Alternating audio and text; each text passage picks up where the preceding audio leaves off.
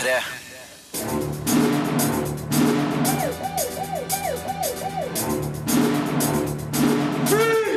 Filmpolitiet!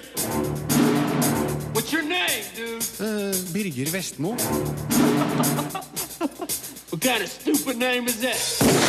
Skrekkfilmen It Follows er både ekstremt stilsikker, gjennomgående angstfylt, herlig pirrende og deilig skremmende. Will Ferrell er kjent for sine hysteriske komedier, der spøken som regel dras litt for langt, men han er likevel morsom i Get Hard. Den franske filmen Gemma Bovary har et morsomt utgangspunkt, men fine figurer vandrer ut i et klisjétungt såpelandskap. Den norske dokumentarfilmen Ballettguttene er en fin og varm skildring av tre gutter gjennom fire år med dans, og den bemerkelsesverdige dokumentarfilmen Citizen Four forteller intenst og skremmende om varsleren Edward Snowden. Filmpolitiet anmelder film. I need to find him. Did he really do to you? Apparently, he used a fake name to rent a house in the city. Sex har lenge vært et klart signal på nært forestående død i skrekkfilmer. Har man seg, er man per definisjon et kommende offer. It Follows går et skritt videre. Her er sex sjølve årsaken til figurenes ublide skjebner. Regissør David Robert Mitchell gjør et dundrende gjennombrudd med denne filmen. I tillegg til en original vri på sjangerens konvensjoner, er It Follows nemlig både ekstremt stilsikker, gjennomgående angstfylt, herlig pirrende og deilig skremmende. Somebody gave it to me, and I passed it to you. Vi møter en gjeng ungdommer i en forstad til Detroit som lever helt normale og begivenhetsløse liv og gjør det ungdommer gjør. Jay, spilt av Micah Monroe, har sex med den nye daten Hugh, spilt av Jake Weary, men blir snart klar over de grusomme konsekvensene. En helt spesiell smitte følger med, en slags ting som følger etter og dreper om den kommer for nær. Vennene Paul, spilt av Care Gilchrist, Yara, spilt av Olivia Lucardi, og Kelly, spilt av Lily Sepi, hjelper hun for å finne ut hvordan de skal bli kvitt it. De unge skuespillerne spiller godt etter regissørens Less is more-instruksjoner. Dialogen flyter som en stille elv, sjøl i scener der andre filmer ville ha gitt konstant skrik og hyl. Filmens stil og rytme er helt klart inspirert av lignende sjangerfilmer fra sent 1970-tall og tidlig 1980-tall. Skrekken kommer snikende gradvis inn på oss. Det vi ikke ser, er like skummelt som det vi ser, av og til skumler. Ventinga har spenningstopper som utløsninga ikke alltid matcher. Men det fins klimaks der jeg får lyst til å snu meg vekk, bl.a. i en bassengscene som vekker assosiasjoner til La den rette komme inn. I had this image of myself holding hands with really cute guy. Filmen 'Bade' i Detroit suburbia, som regissør David Robert Mitchell kjenner godt. Hans forrige film, The Myth of the American Sleepover, var lagt til samme miljø. Ungdommene beveger seg rundt i et typisk stille forstadsmiljø med små hus i lange gater, nydelig fotografert av Mike Giolakis. Lydsporet er elektronisk, med gjenklang av John Carpenter og Alan Howards musikk til Halloween, og Wendy Carlos sine komposisjoner til The Shining Ondskapens hotell. It or it could be a stranger in a crowd. Whatever helps it get close to you.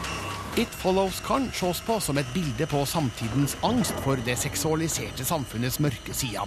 Sex kan faktisk i verste fall drepe deg om du ligger med en person som er smitta. Det her utnyttes godt i en skrekksetting, sjøl om det finnes noen sekvenser og sammenhenger der logikken ikke henger helt sammen. Men det oppveies med en stilsikkerhet og et ekkelt spenningsnivå som gjør It Follows til en spesielt vellykka skrekkthriller. Terningkast fem. Filmpolitiet. Does that sound good to you? På P3. Her i studio sammen med meg nå, resten av Filmpolitiets redaksjon, Marte Sigurd Rune Rune. Hallo. Rune! Rune. Du, Vi, vi må snakke om det store som skjedde i går kveld norsk tid, nemlig um, releasen av teaser 2 til Star Wars The Force Awakens. Jeg, jeg, skjelver ennå, jeg. Vi kommuniserte litt på sosiale medier, vi fire i går kveld. Og Marte, du, du påsto at det var noe grining på gang. Ja, det, det.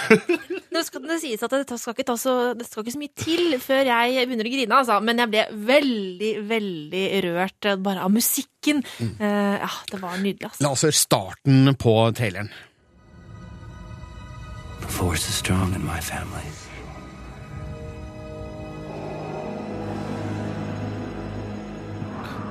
My father has it.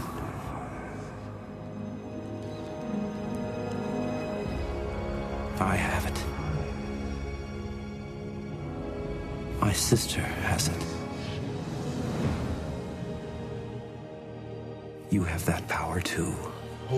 Det er gåsehud over hele kroppen. Dette er altså Luke Skywalker vi hører her, og det er lett å kjenne igjen stemmen hans. Ja, det er det. Og, og det er jo det at kraften nå leveres til en ny generasjon, er jo kanskje hovedbudskapet i denne traileren, og, og noe av det som er hele poenget med den nye trilogien også. Samtidig så øh, hørtes det ut som han bruker øh, verbformen 'has' øh, her om sin far. Noe som får meg til å lure Skal vi få sånn hologram Darth Vader-pratesaker også i den Ja, kommende ser, trilogien? altså det er jo et bilde i traileren som viser en ødelagt Darth Vader-maske, som er ganske viktig, tror jeg, eh, for hvordan den nye fortellingen skal, skal foregå. Vi vet jo ikke noen detaljer her, da, men Nei, det kan men- jo være noe. Er han, han er jo død, er han ikke? Eller kommer han tilbake som et sånt Obi-Wan Sånn- Kenobi-spøkelse? Ja, Det er akkurat det jeg tror det som skjer, da. Ja. for meg han, for han er jo et sånt spøkelse på tampen av øh, film øh, tre, øh, blir det vel, hvis man skal regne riktig, sammen Men med, med Yoda og Obi-Wan. Så det kan jo hende at denne gjengen kommer flytende inn i den nye også. Ja, men hvem er det, altså, hvem skal være den skikkelsen da? Ja, det gjenstår å se. Det gjenstår å, å se. Vi får jo flere glimt her da av noen av de nye figurene i Star Wars-universet, blant annet uh, Ray, spilt av Daisy Ridley, og figuren til John Boyega, var det Finn? Det er Finn, ja. Og, og de to var jo også på scenen i California på da Star Wars Celebration i går og fortalte litt mer om sine figurer. Daisy kunne blant annet fortelle at eh, Ray er liksom en sånn eh, einstøing av en, en, eh, en skrapjeger som, som er helt selvstendig, tøff Ja. dame, eh, og, og, og, men som da skjer noen ting, da. Og hun plutselig starter på et lite eventyr. Og John Boyega han avslører vel at eh, jo da, han er en stormtrooper eh, som møter noen, og vi ser jo i teaseren han er sammen med, Ja. med Ray. Eller han sa vel ikke at han var en stormtrooper, det nekta han jo å svare på. et litt lurt Eh, blikk. Men han hadde et lite lurt blikk, så man kan jo eh, teorisere der. Ja, men Nå syns jeg vi teoriserer altfor mye og kommer med sånn ukjente navn. Det var da kjente folk med Ja, i denne det traileren Ja, det var det. La oss eh, høre på avslutninga, den det emosjonelle høydepunktet på Star Wars-teaser nummer eh, to. Chewie.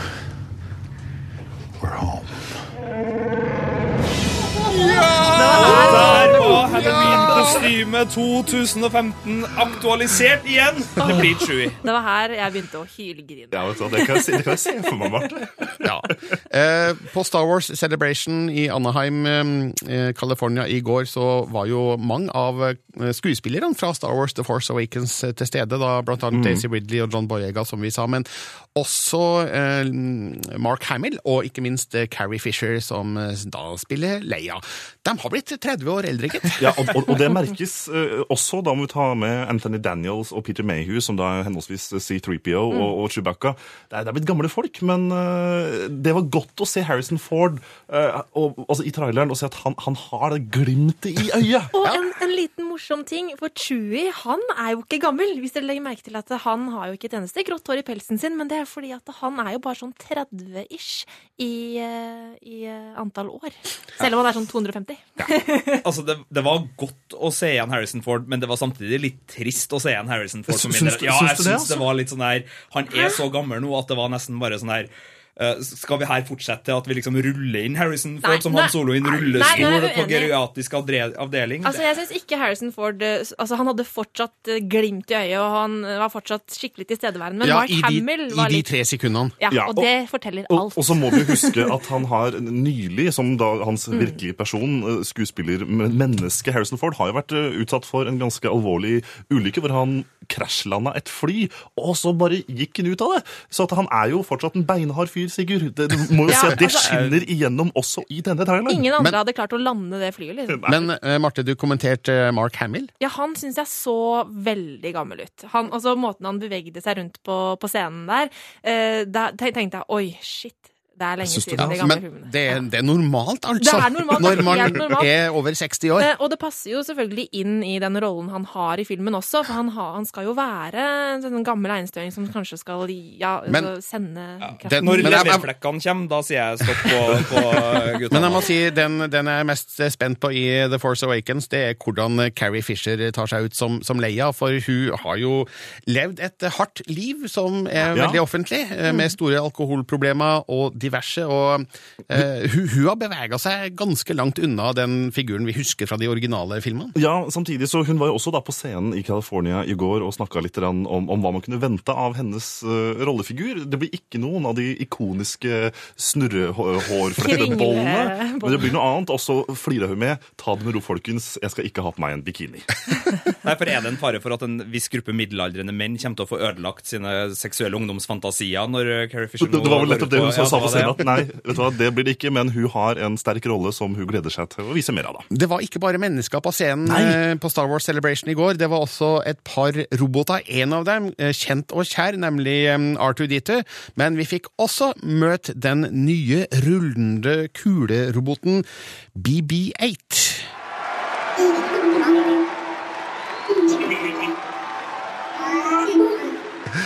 Det var noen av lydene til BB8. Det høres veldig ut som Wally, det her. Ja, ja, det er jeg enig i. Godt, godt poeng, altså. Ja, men koselige lyder. Jeg tror jeg skal overleve å, få BB8 med i The Force Awakens. Og, og- og det som jeg synes var det viktigste, var at de, de faktisk rulla roboten ut på scenen og fjernstyrte den, og, og viste at det var en praktisk effekt. For når vi har sett det tidligere, i den første traileren så var det spekulasjoner. Er det CG? Er det dataanimert? Nei, de har laga en robot som kan rulle rundt sånn, og det er det litt sånn, det er ekstra godt å se, altså. Og det er en ting jeg satte veldig pris på å høre JJ Abrams, altså regissøren, fortelle i går, at eh, de har satsa mye på practical effects i eh, The Force Awakens. Veldig mye virkelige mm, effekter, altså, ikke bare CG, sjøl om det blir også en god del av det. Vi jeg anta. Ja, Jo og, da, jo og at han snakket om dette at alt skulle ikke være sånn superglattpolert, ikke sant? Selv om eh, det skal være nytt og moderne, så, så har det den der litt sånn gritty, skitne eh, feelingen som eh, de gamle filmene jo har.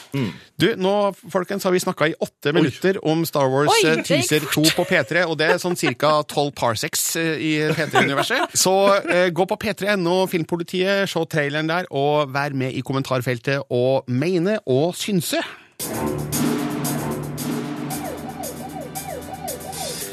Get Hard er en av dagens premierefilmer. Will Ferrell spiller hovedrollen.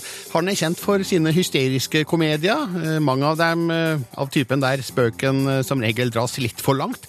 Det skjer vel også til en viss grad i Get Hard, men Marte Hedenstad mener at Will Ferrell likevel er morsom i denne filmen.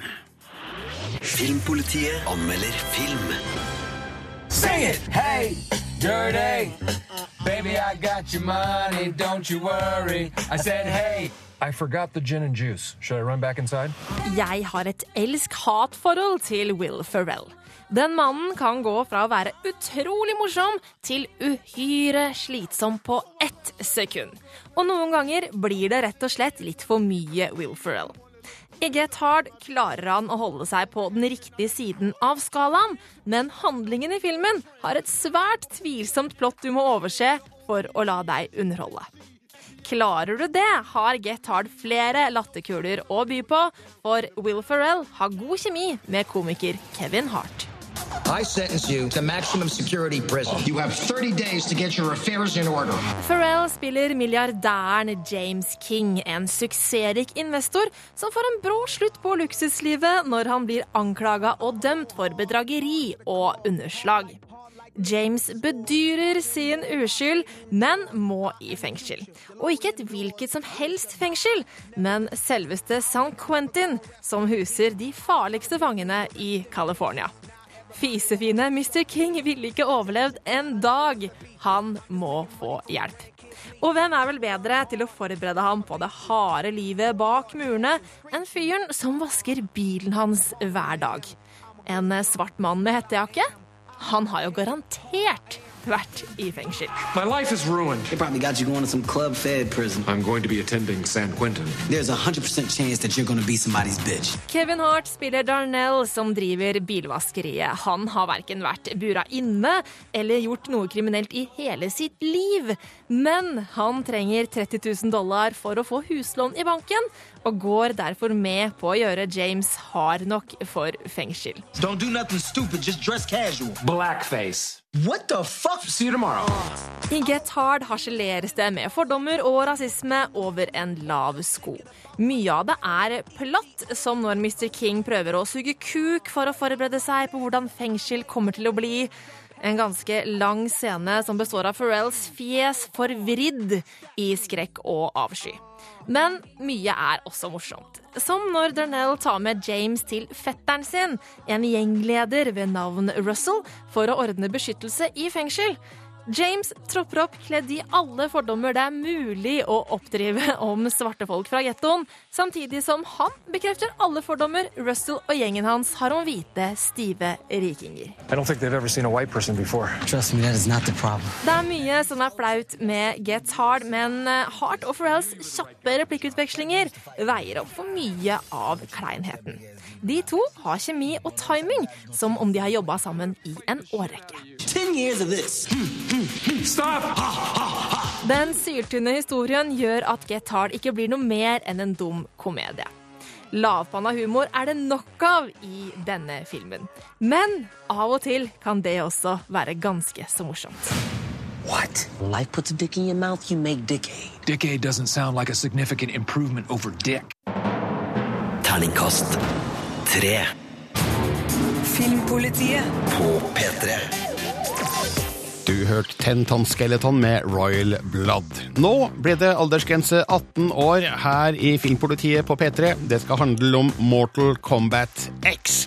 Og Mortal Kombat-spillene har sjokkert i over 20 år. Denne uka kom da den siste versjonen ut, og vår spillanmelder Rune Haakonsen mener det overgår all tidligere utgaver i grafisk vold og overdreven bekmørk humor. Filmpolitiet anmelder spill. My father always spoke highly of you, Sub Zero. He wants to talk. Talking, always his first choice. Okay, let's try pummel. I over 20 år har Mortal Kombat-spillene hatt et eh, frynsete rykte. Foreldre har med skrekk sett på de blodige kampene, mens de yngre spillerne har frydet seg over å spille noe forbudt. Slik var det da jeg var tolv år, og slik er det for tolvåringer i dag. Volden er grotesk og overdreven. Den er rett og slett parodisk. I Mortal Kombat X er ironien og den bekmørke humoren smurt i tykke lag. Også historien, som er den mest gjennomarbeida i spillseriens historie, har disse trekkene og kan sammenlignes med en actionfilm fra 80-tallet av B-filmkvalitet. Kjente ansikter er fortsatt med i Mortal Kombat X, som Johnny Cage, Sonja Blade, Scorpion og Sub-Zero. Alle de gamle heltene knyttes til nye kampaner, som i fortellingen om en ny krise i forholdet mellom jorden og de gamle gudenes hjem. Ja, de må samarbeide og kjempe mot hverandre. More visions, Raiden? Do you still see the future?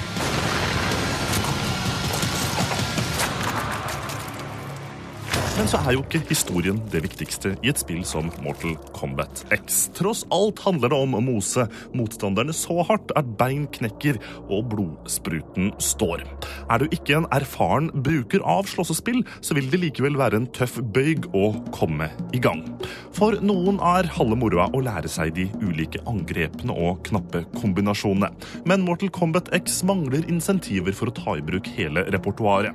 Dette gjør det vanlig, spesielt i nettkamper, å gjenbruke de samme bevegelsene om igjen og om igjen. Men det å avslutte en kamp med en fatality, en overdrevent grafisk henrettelse, understreker spillets bekmørke humor og bidrar til stadige sjokkartede reaksjoner fra de som står og ser på.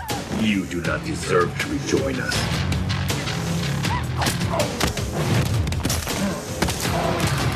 Og det siste er med det rette, for dette er et spill som vil provosere og støte alle som ikke er innforstått med premisset. Mortal Kombat X følger opp en 20 år gammel spilltradisjon ved å plassere seg trygt innenfor rammene til sjokk, splatter og slasherfilmer.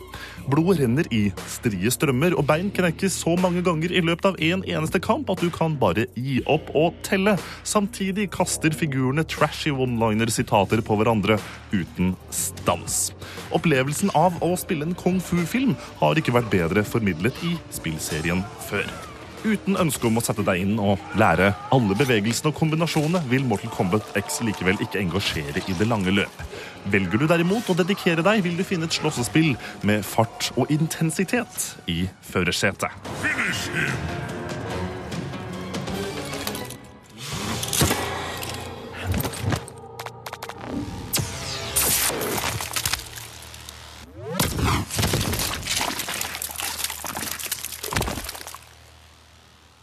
Sonja wins. Fatality. Terningkast fire. Filmpolitiet. På P3. Igjen er mine gode kolleger Marte, Rune og Sigurd her. Hallais! For nå skal vi diskutere det viktigste som har skjedd på nyhetsfronten eh, i våre øyne da, det siste, den siste uka. Og det har skjedd ganske mye. Ja, det har det, og vi må starte med det som for min del fremstår som det mest spennende, nemlig at eh, Ryan Gosling kanskje skal spille i den eh, neste Blade Runner-filmen. Ja, for Han er altså i samtaler, i forhandlinger, for da å ta hovedrollen i Blade Runner 2. Og når det ikke skal være Harrison Ford, hvorfor ikke Ryan Gosling, sier jeg. Men skal det ikke være Harrison Ford? Harrison Ford skal, skal eh, være med han, men jeg, jeg, jeg tipper Bare se for deg en glattbarbert Ryan Gosling. Han kommer til å være en android, vet du. Jeg bare håper han altså. får den samme skjorta som Harrison Ford har i den originale filmen, for det er en av mine favorittplagg på film noensinne. Er Aldeles nydelig svart skjorte med sånne prikker på. Kanskje Ryan Gosling skal være denne filmens eh, Rutger Hauer? Ja, hvorfor Ja, ikke? hvorfor? Eh, eh, eh, Et øyeblikk her nå. Jeg skal... Seen things you people wouldn't believe. Ja, men... Glad i sci-fi? Veldig glad i sci-fi.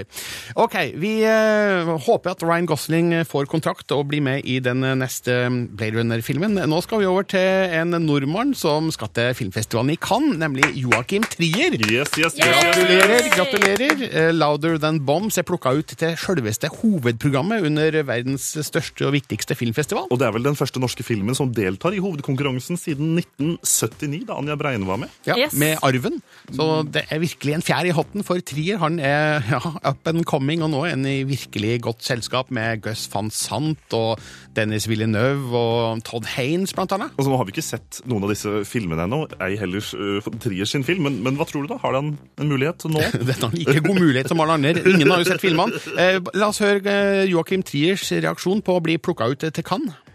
Man kan aldri regne med å komme i hovedprogrammet i Cannes. Liksom. Det er, eh, det er man, noe man på en måte bare blir gitt når de syns det er bra nok. Men, men jeg har jo tro på at denne filmen har særpreg og noe eget, og vi er en svær gjeng som har jobbet hardt på den. Så det er liksom det er noe vi har tenkt på, at det kunne være en fin ting om det skjedde.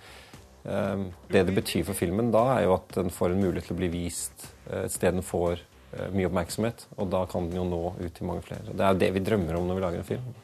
Det sa Joakim Trier, så får vi se da hva, det skjer, hva som skjer med Louder Than Bombs i Cannes. Til slutt, vi er nødt til å komme innom, uh, mine damer og herrer, David Hasselhoff. Og hvorfor, hvorfor, hvorfor skal vi nevne han, Sigurd?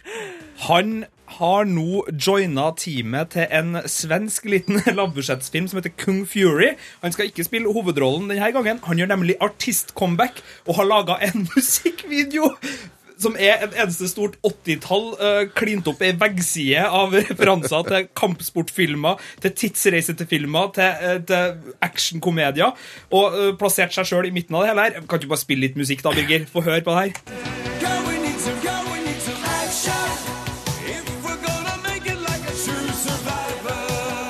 The Hoff is back! Ja, det her høres jo så helt psykomorsomt ut. Ja, Det ser helt nydelig ut. Musikkvideoen ligger ut på Filmpolitiet sine Han sider, så gå rir, dit. han rir på en dinosaur i musikkvideoen. Han, rir på en dinosaur i musikkvideoen. Han hopper ut av en spinnebil og skyter skurker i musikkvideoen. Han tar spagaten i musikkvideoen. Men nei, så gøy, Han synger 'I'm a true survivor'. Og i et sitat på, på nettsidene til Kung Fury så sier han jo 'The song is perfect for me as I really am in real life'. Survivor. Og det er svenske David Sandberg som har laga denne filmen. Den skal komme gratis på nett i løpet av mai, sies det på, på hjemmesidene. Og det blir vel en 30 minutters liten uh, Hyllest til alt. jeg jeg håper den er bra. Jeg håper den er bra. Nei, vet du hva? Vi må høre litt mer på The Hoff. Rune, Marte, Sigurd, tusen takk.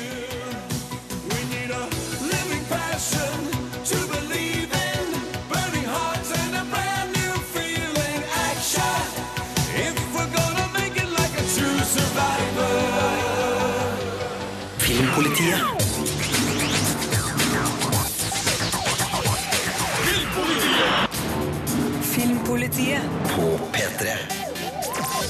Rune, Marte og Sigurd er her sammen med meg, og vi skal diskutere ukas eh, viktigste eh, TV-serier. Og vi må starte med Game of Thrones, som du, Marte, har gitt terningkast fem. Og Ja, altså, Jeg ga de to første episodene terningkast fem, og Ja. så fikk jeg heldigvis alle fire episodene i posten fra HBO.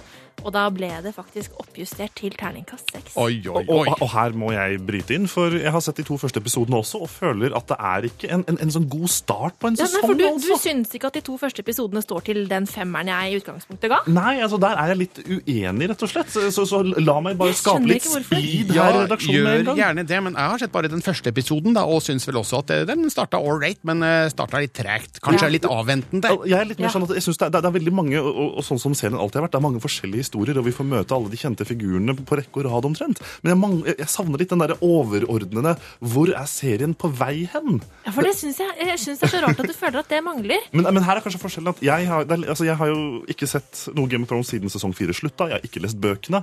Og, og, og kanskje den, den helheten den, den, den får ikke jeg kanskje fordi at jeg ikke har den bakgrunnen. Ja, kanskje at jeg vet for mye. At eh, ting, jeg har for mye kunnskap. Enn du, enn du, Sigurd, hva syns du? Nei, altså, jeg syns bare det gikk altfor fort. Jeg har sett de fire første. Også, og vi- Viktig å presisere at det er ikke totalt fire, altså det er totalt ti. ikke det? Så, Eh, sånn at ja. Det er bare de fire første når vi sier at vi har sett alt. ja, ja. Vi har ikke sett alt. Altså men alt som er tilgjengelig for pressen. Tilgjengelig for pressen, rett og slett. Men, men altså, det er bra, det er spennende, det er gøy, jeg skal se mer, men eh, en litt brattere oppoverbakke enn det jeg venta Ja, han er litt død inni seg, han Håkonsen, ikke det? Litt sånn Ja, hva er det med deg, liksom? Ja. Slutt opp, da. Um, Justified er over, eh, og det er det noen i redaksjonen her som syns er veldig trist. Uh, ikke sant, Sigurd Vik? Ja, trist på en måte, men så var det jo en fantastisk avslutning på en av de beste seriene jeg har sett de siste fem-seks årene. Så, så det er- den uka her, hvor avslutningsepisoden gikk på, på TV2 Sumo, har vært en fin uke òg, altså. Men jeg bare Harlan County, altså den der hjemmebrent-dynka lille herlige hjertet av Kentucky, USA, hvor skurkene er utrolig veltalende og morsomme å følge med på, og lovens lange arm er akkurat sånn passe hengslete og, og, og vittig. Sånn, at- nei, det, det er justified, altså. Ja, men det har jo alt å si når en serie som man har vært så glad i, har gått over såpass mange sesonger, at det får en god avslutning. ja. ja. Den gode avslutningen er noe som skjer altfor sjeldent i serieverdenen. Altså. På våre nettsider P3N og Filmpolitiet så kan man finne topp ti Justified giffer, Sigurd. Ja, jeg måtte hylle denne serien på en litt annen måte enn å bare Og så er det jo viktig å ikke spoile. Eh, Ja. Det, det er jo noe av det verste vi gjør. Så, så vi har laga en forholdsvis spoilerfri uh, GIF-hyllest til Justified, så bare gå inn der og ser på hva det er vi digger med serien. Jeg har uh, sett uh, de første fire episodene av Veep, som nå kan ses på HBO Nordic og Sesong Seymour. fire, da, eller? Sesong fire, ja. Ja. Altså ikke alle fire episodene er tilgjengelig, men den første i hvert fall. Og dette er på en måte en, en sånn morsom parallell til House of Cards, fordi i begge seriene har hovedfiguren nå blitt president. Eh, og det har På- på veldig si, forskjellig vis. Ja, på veldig forskjellig vis. Altså, House of Cards har for meg mista litt av sin appell, som var nøyaktig det du sa, Sigurd, da du anmeldte serien. Men eh, mens Veep greier å holde koken på forbilledlig vis, uten at det går på bekostning av de morsomme figurene eller dynamikken mellom dem. Skal også sies at det går i et skikkelig breakneck tempo, så det å se to, tre, fire episoder eh, på strekk Det er ikke noe problem. Det, jo, altså Du det er. for mye. Jeg blir kokt i huet av det, fordi det går så innmari fort. Så binge-watching av Veep det er litt vanskelig, men nå kommer jo det bare som én episode i uka fremover, da. Jeg liker merker at doktor Vestmo eh, nå eh, kommer med advarsler mot seriefråtsing og, og sier at jo da, det kan være godt, men, men pass på helsa, folkens. Vi må avslutte med Daredevil, som mm. du, Rune, har sett eh, alt av. Ja, eh, jeg så jo de første fem episodene og ga terningkast seks basert på det. Nå har jeg sett alle episodene, og serien holder seg også der helt inn i mål. Og for en skurk! Vincent Donofario må få en Emmy for beste mannlige birolle. Det her er altså en av de beste serieskurkene jeg har sett. Altså, apropos binge-watching. er- for Jeg har, jeg har begynt å se Daredevil, jeg er på episode åtte nå. Og det er jo et problem, for at jeg, har lyst til å bare se alt. Ja. Men så har jeg samtidig lyst til å spare, Spare på det, litt, fordi ja. det er så utrolig bra! Det er veldig veldig bra. Den serien som altså, Her har Marvel og Netflix bare truffet hel, helmaks. Altså. Jeg vil bare benytte anledninga til å utrope uh, april 2015 til The Mother of All seriemåneder. Fy søren hvor mye bra det er som går nå. Klin på Mad Men, da, som har starta på sin serieavslutning. Eh, Daredevil, Game of Thrones, Justified, Weep, Weep, ja, ja. Silicon Valley. Det går så mye bra serier nå. Det er bare å kose seg hver dag. Og alt kan leses om på p3.no filmpolitiet. filmpolitiet. For mye tid. Nei, for mye serier. For For liten tid. Aldri for mye serier, Birger. Aldri! Jeg ødela poenget mitt! Ødela poenget! Dette er Filmpolitiet. Filmpolitiet på P3. Filmpolitiet anmelder film. Ikke mange gutter som har lyst, virkelig lyst til å danse ballett. Unge mennesker i startfasen av livet sjarmerer med sine drømmer og ambisjoner i den norske dokumentarfilmen Ballettguttene. Som tittelen indikerer, handler det her om gutter som har valgt dans som både hobby og kanskje fremtidig yrke. Den bringer oss nært inn på deres hverdag, der vilje og pågangsmot blandes med tvil og usikkerhet om hva fremtida vil bringe. Ballettguttene er fin og varm i skildringa av tre unge karer i grasiøs utfoldelse. Drømmen min er å bli en av de beste ballettdanserne. Lukas Bjørneboe Brensrød, Torgeir Lund og Syvert Lorentz Garcia går på ballettskole i Oslo. De befinner seg i et jentedominert miljø og har et sammensveisa kameratskap vist gjennom fine sekvenser fra garderoben. Men ballettdansen koster mye, og ikke alle tre har like stor motivasjon og disiplin. Og en av dem vil få en sjanse som kanskje vil gå utover de to andre og påvirke kameratskapet. En nervepinne, en jury som skal bestemme din framtid videre. De flotte guttene er tre klart forskjellige personligheter som knyttes sammen av et felles mål. Vi får ta del i deres gleder og sorger, og kameraet er våkent på plass ved flere avgjørende anledninger, slik at publikum får bevitne følelsesladede utbrudd og reaksjoner. Det føles ekte fordi det er det. Og det er gledelig å følge disse sympatiske karene i en avgjørende periode av deres ungdom. Den gir oss mange flotte eksempler på deres ballettkvaliteter, både i øvingssaler og i konkurranser. Nydelig tonesatt av musikk komponert av Henrik Skram. Vi har jo gått i samme klasse i tre år, Har har vært sånn, liksom. Det som mangler her, er en bedre forståelse for hvorfor Lukas, Torgeir og Syvert danser ballett. Det er jo umulig å se Ballettguttene uten å ha Billy Elliot i bakhodet, filmen om arbeidergutten i Nord-England som danser ballett i hemmelighet i stedet for å bokse. Han forklarer trangen til å danse på keitete vis, men det er tydelig hva han mener. Guttene i dokumentaren forklarer i liten grad hva det var som dro dem til ballett, og hvorfor de ønsker å satse på det her. Altså, for meg så finnes det ikke noen andre alternativer istedenfor ballett. Regissør Kenneth Elvebakk filma Ballettguttene fra 2009 til 2012.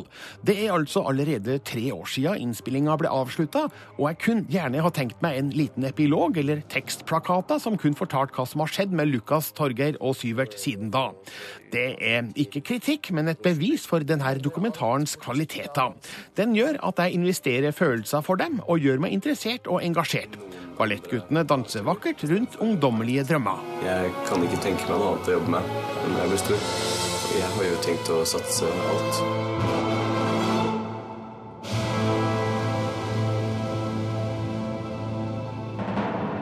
Terningkast fire. Tilbake til dokumentarfilmen Ballettguttene, som har norgespremiere i dag.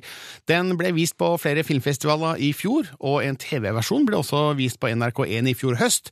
Da hadde jeg regissør Kenneth Elvebakk på besøk, og spurte han hvordan han eh, fant de tre guttene vi møter i filmen, Lukas, Syvert og Torgeir. Egentlig så begynte jeg å filme seks andre gutter eh, som var litt yngre. Eh, men midt i prosessen, før vi egentlig har fått finansiert filmen, så slutta det. Og På det tidspunktet så skulle Lucas og Syvert eh, delta på sin første internasjonale ballettkonkurranse i Frankrike. Og så tenkte jeg OK, jeg blir med, og så ser jeg hva jeg får for noe. Og det jeg oppdaga, det er det tette vennskapet mellom de to guttene. Og så tenkte jeg hm, her er filmen. Vennskapet mellom tre eh, ballettgutter. Mm. Du hadde litt flaks, altså? Man må ha litt flaks når man holder på med dokumentar. Ja, men, men det å få gutta på rundt 14-15-16 år til å, til å åpne seg foran et kamera, kan ikke være enkelt. Altså, Hvordan gikk du frem for å få til det? Disse guttene trener jo for det første seks dager i uka, opptil tre eh, økter hver dag, så de er veldig slitne. Um, og jeg hadde litt problemer med å få fram historien i rene scener. Så jeg har rett og slett gjort dybdeintervju med de flere ganger i løpet av prosessen. Og jo mer jeg film, jo mer avslappa blir de til meg og til kamera, fotografen og hele situasjonen. Så etter hvert så begynte de å, å snakke om veldig sånn personlige ting, og, og, ting som andre folk kan gjenkjenne seg i. Eh, typiske sånn tenåringstematikk. Men da må det jo ha blitt skapt et, eh, et bra tillitsforhold da, mellom deg og disse guttene? Det har det, helt klart. Og de guttene sier jo at uh, av og til så glemmer de at vi er der med kamera. Og de var kanskje litt bekymra for hva de hadde sagt, fordi det husket de jo ikke etter så mange år. Uh, sånn at det var veldig viktig å ha de guttene med seg inn i prosessen med å ferdigstille filmen, at de skal på en måte føle at de kan stå inne for filmen. Og jeg tror at alle tre guttene er veldig stolte av både prosessen og filmen i dag, og det er jeg veldig glad for. Mm. Ballettguttene er innspilt uh, i en periode over fire år, stemmer det? Ja. ja. Hvordan greier du å holde fokus på et prosjekt over så lang tid? Det lurer jeg også på. det er et godt spørsmål. Men du får liksom små scener hele tida, og så går du i dybden av de scenene og ser hva er det du trenger videre.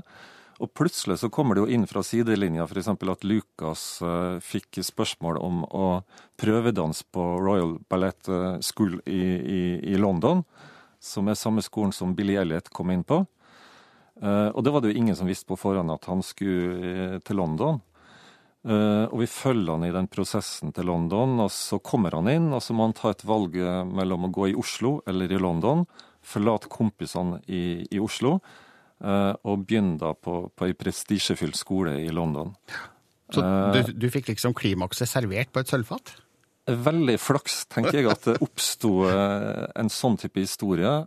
Men jeg tenker jo at vi har fått en fin historie sjøl om Lukas hadde, hadde, blitt i Oslo, Mm. og de hadde starta alle tre på Kunsthøgskolen i Oslo. Men det oppstår jo en, en annen historie når, når han drar til London og ute i verden, på en måte. Og foreldrene til Lucas var nok litt bekymra for å slippe en 15-åring til, til, London. Regissør Kenneth Elvebakk, tusen takk for at du kom til Filmpolitiet. Tusen takk skal du ha. Filmpolitiet! Filmpolitiet På P3. Filmpolitiet anmelder film. Laura, at this stage, I can offer nothing more than my word. I am a senior government employee in the intelligence community. I hope you understand that contacting you is extremely high risk. So I don't know anything about you. Okay. Um, I work for. Uh, Sorry, I don't know your name. Oh, sorry. I uh, my name is Edward Snowden. Uh, I go by Ed. Um, Edward Joseph Snowden's the full name.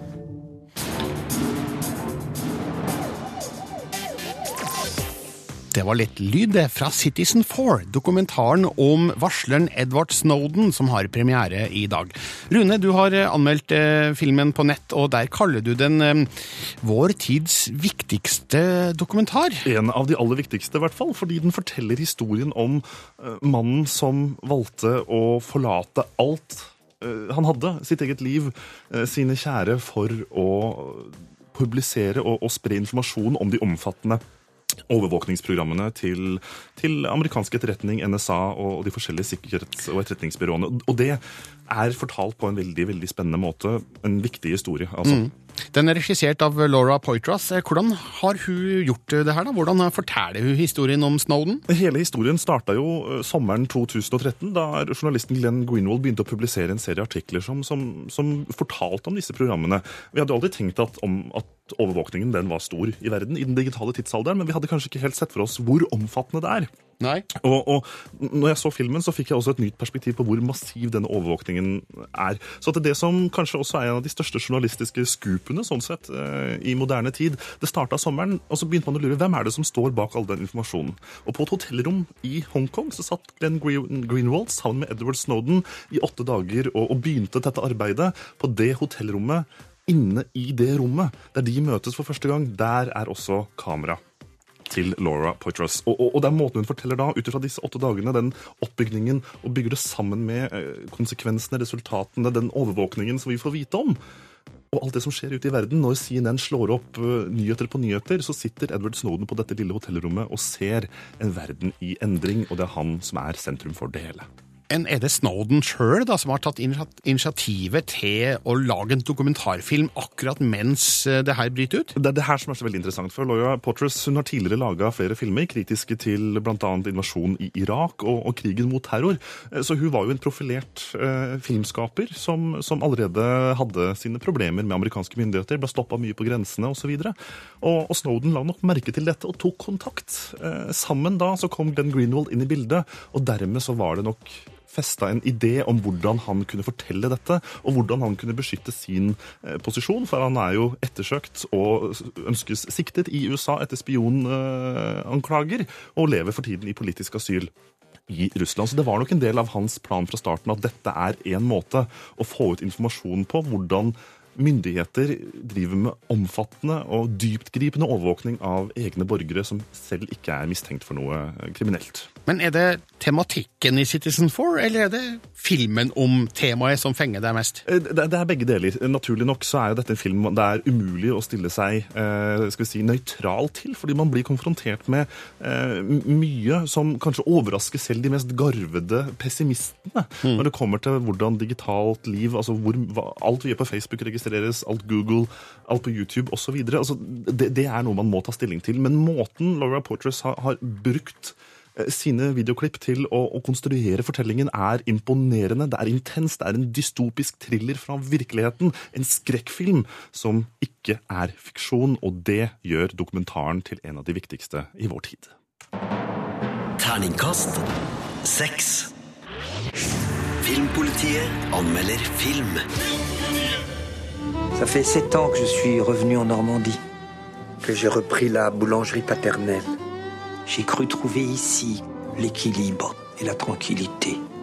Anglofile og frankofile kan forenes på kino med filmen Gemma Bowery, regissert av Anne Fontaine. Her leter et britisk ektepar etter ny lykke i en liten by i Normandie, og det her resulterer i noen pittoreske tablåer med sjarmerende steinbygninger i trange gater, omgitt av vakker natur og duften av nybakte bagetter langt opp i nesa. Dessverre tar melodramatikken over og gjør Gemma Bowery til en ujevn film, der det etter hvert blir vanskelig å ta historien seriøst. Synd, for figurene er fine. Vous êtes anglais? Yeah. I am your voisin. And this is Gemma Bovary and husband uh, Charlie. Oh, this is France, Charlie. Filmens forteller er Martin, spilt av Fabrice Lucini, den litteraturinteresserte bakeren som fatter spesiell interesse for det britiske paret som nettopp har flytta inn over veien. Gemma Bowery, spilt av Gemma Arterton, og Charlie Bowery, spilt av Jason Fleming, har lignende navn som figurene i Gustav Flauberts berømte roman Madame Bovary fra 1857. Snart ser han òg paralleller mellom kunst og virkelighet, som kan få konsekvenser for naboskapet. L'équilibre et la tranquillité, c'est raté. Historiens utgangspunkt er litt søkt. En normal person ville nok ledd av navnelikhetene og gitt seg med det. Når Martin legger romanen til grunn for sine handlinger i forholdet til Gemma, som han har et spesielt godt øye til, må handlinga nødvendigvis innta et komikkens slør. Problemet er at når den tar en mer alvorlig og litt teit retning på et seinere tidspunkt, har det ingen emosjonell slagkraft, fordi filmen for lengst er avskrevet som en søt, mild og ufarlig komedie. Il y a des Anglais. Devinez comment ils. James Bond, McDonald's. Bovary. Men er like, som sagt figurene. Martin har sjøl flytta til Normandie for å søke lykken, men er litt desillusjonert over hva han har funnet. Gemma og Charlie er i samme situasjon, og publikum får se hvordan forestillinga og forventninga ikke alltid samsvarer med virkeligheten. Det er kjensgjerninga her som mange kan kjenne seg igjen i. Man endrer seg ikke nødvendigvis, sjøl om omgivelsene gjør det. Gemma Bovary er nydelig fotografert av Christophe Boccarn, som her gjør sin tredje film for regissør Anne Fontaine. Filmens utseende, stemning og fremdrift er god. Gemma Arterton spiller fint med høy sjarmfaktor, mens Fabrice Lucini har en minneverdig fremtoning som den litt livsfjerne Martin. Dessverre er manuset av Anne Fontaine og Pascal Bonitzer, basert på en roman av Posey Simmons, for svakt, og lar interessante figurer og problemstillinger gli ut i et klisjétungt såpelandskap. Vous voulez goûter It's strong. Calva. Terningkast tre. Les mer om film, spill og serier på p3.no Filmpolitiet. Filmpolitiet hver fredag fra 11 til 1 på P3. Hør flere podkaster på nrk.no podkast. P3.